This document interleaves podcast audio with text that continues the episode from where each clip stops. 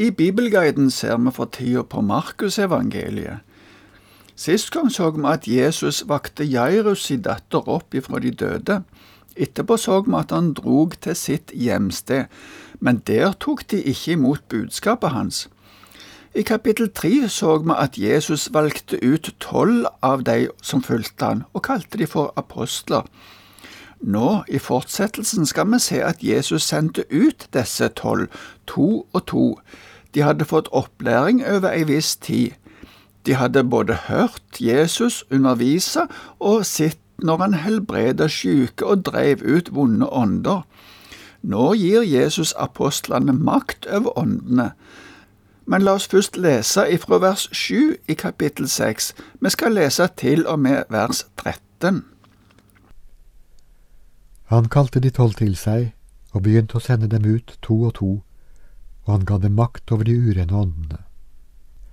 Han påla dem at de bare skulle ta én stav med seg på veien, ikke brød, ikke væske, ikke kobbermynter i beltet. De skulle ha sandaler på føttene, men ikke ha på seg mer enn én kjortel.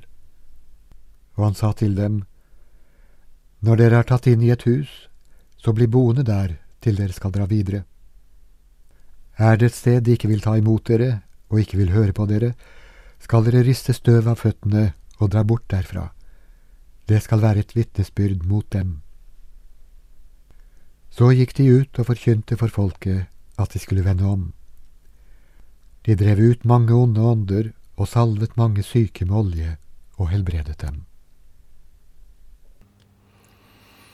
På denne reisa skulle ikke apostlene ha med seg mye bagasje, de skulle bare ha én stav, og de skulle ha gode sko, men ellers ingenting, verken ekstra klær, penger eller mat. Det var for at de skulle stole på at Gud gikk med og foran dem. Det de trengte, ville de få etter hvert som de trengte det, av de som hørte forkynnelsen deres. Når de kom til en by og tok inn i et hus, skulle de bo der til de drog videre. Vi leste at det de forkynte var at folk måtte vende om. Det var også det døperen Johannes hadde forkynt, og slik Jesus begynte sin forkynnelse. Det leser vi om i Matteus kapittel 3 vers 2 og 4 vers 17. Vi så også i det som vi leste, at de dreiv ut vonde ånder og salva mange sjuke og helbreda de. Disse tegna ga budskapet deres autoritet. Det ble rene folkebevegelsen rundt Jesus og apostlene.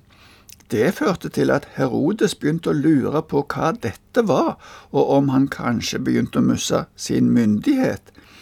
I det neste avsnittet hører vi litt om det som han tenkte, og om forholdet hans til døperen Johannes. Vi leser nå ifra vers 14 til 29. Kong Herodes fikk høre om Jesus for navnet hans var nå blitt kjent. Noen sa, Døperen Johannes er blitt reist opp fra de døde, derfor virker slike krefter i ham. Andre sa, Han er Elia, og noen sa, Han er en profet, som en av de gamle profetene. Men da Herodes hørte det, sa han, Det er Johannes, som jeg lot halshugge. Han er blitt vekket opp igjen. Det var denne Herodes som hadde sendt ut folk for å gripe Johannes, og hadde kastet ham i fengsel og bundet ham. Dette hadde han gjort på grunn av Herodias, som hadde vært gift med Philip, en bror av Herodes.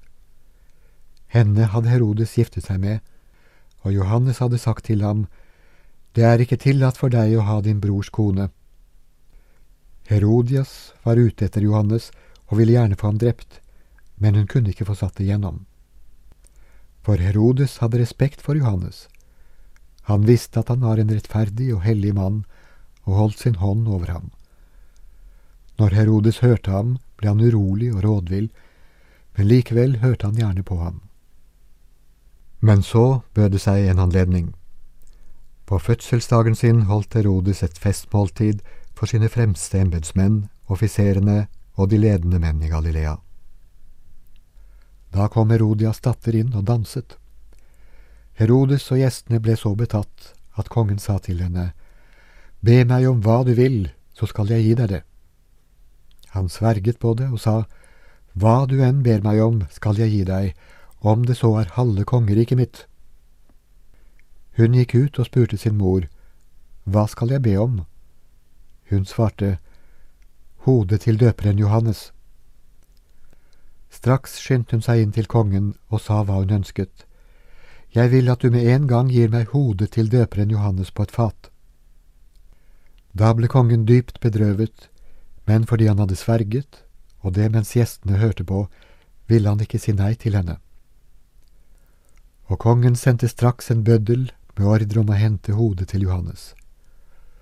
Han dro av sted og halshugget Johannes i fengselet, kom med hodet på et fat og ga det til jenta, og hun ga det til sin mor. Da disiplene hans fikk høre dette, kom de og hentet liket og la det i en grav. Herodes i denne sammenhengen er Herodes Antipas. Han var en av sønnene til Herodes den store, som forsøkte å drepe Jesus da han ble født. Etter at kong Herodes den store var død, ble riket delt mellom Arkelaus, som fikk Judea og Samaria, Philip, som regjerte nord og øst i Galilea, og Antipas kontrollerte Galilea og Perea. Jesus oppholdt seg for det meste i det området der Herodes Antipas styrte. De kommentarene som hører ifra folk, at noen trodde det var Johannes som hadde stått opp ifra de døde, andre at det var en av de gamle profetene som hadde stått opp, det viser at det var forskjellige forventninger rundt Messias. Men det var ikke mange som anerkjente det guddommelige oppdraget som Jesus hadde. Så fortelles det hva som hadde skjedd med døperen Johannes. Han hadde blitt kasta i fengsel fordi han hadde irettesatt kong Herodes.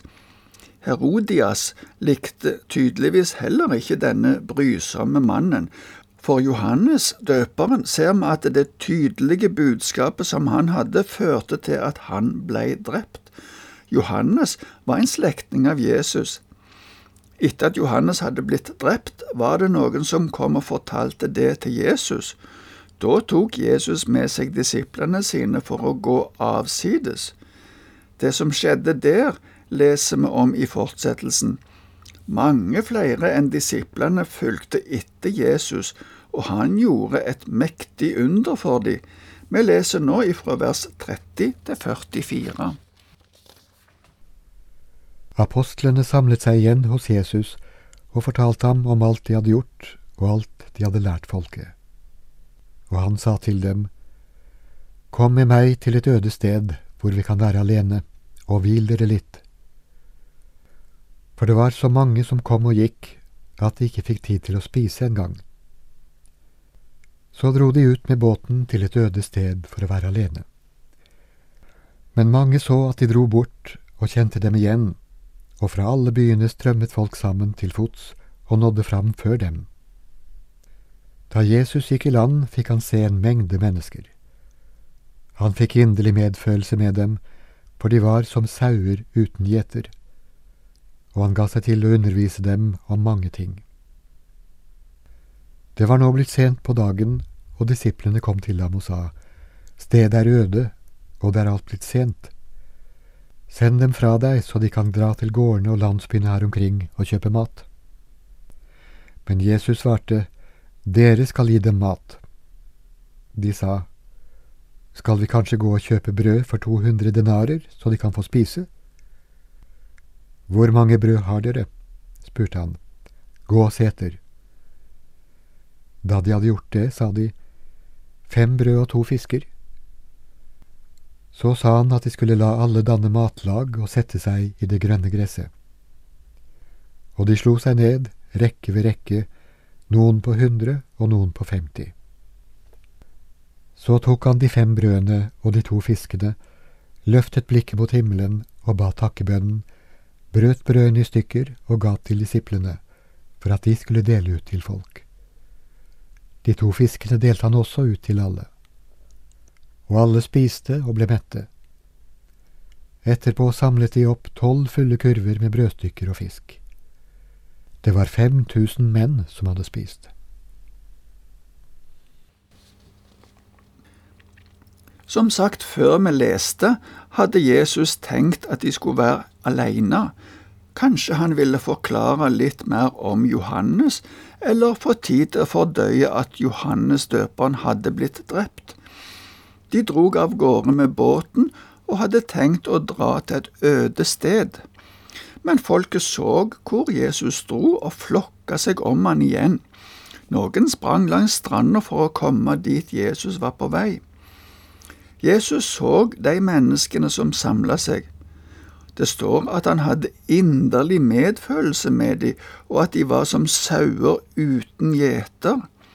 Han begynte å undervise dem om mange ting, står det. Men Jesus hadde også syn for den legemlige nøden. Da det gikk ei tid, sa Jesus at de som var der, måtte få noe å spise. Det som skjedde da, har alle evangeliene tatt med. Matteus skriver om det i kapittel 14, Lukas i kapittel 9 og Johannes i kapittel 6. Her skal vi bare nevne at disiplene prøvde å unngå problemet ved å si at Jesus måtte sende folk ifra seg. Men da svarte Jesus at de, altså disiplene, skulle gi dem mat. De lurte på hvordan de skulle få det til. De hadde jo bare fem brød og to små fisker. Men Jesus sa at folket skulle sette seg ned i grupper. Så ba han ei takkebønn og ga brødet til disiplene. Da skjedde det at etter hvert som de ga ut brødet, hadde de fremdeles mer brød. Ja, det blei så mye at alle blei mette, og det blei mye til overs. Men mer får vi ikke sagt om dette i dag. Vi skal slutte her, og jeg vil ønske Guds velsignelse for deg videre.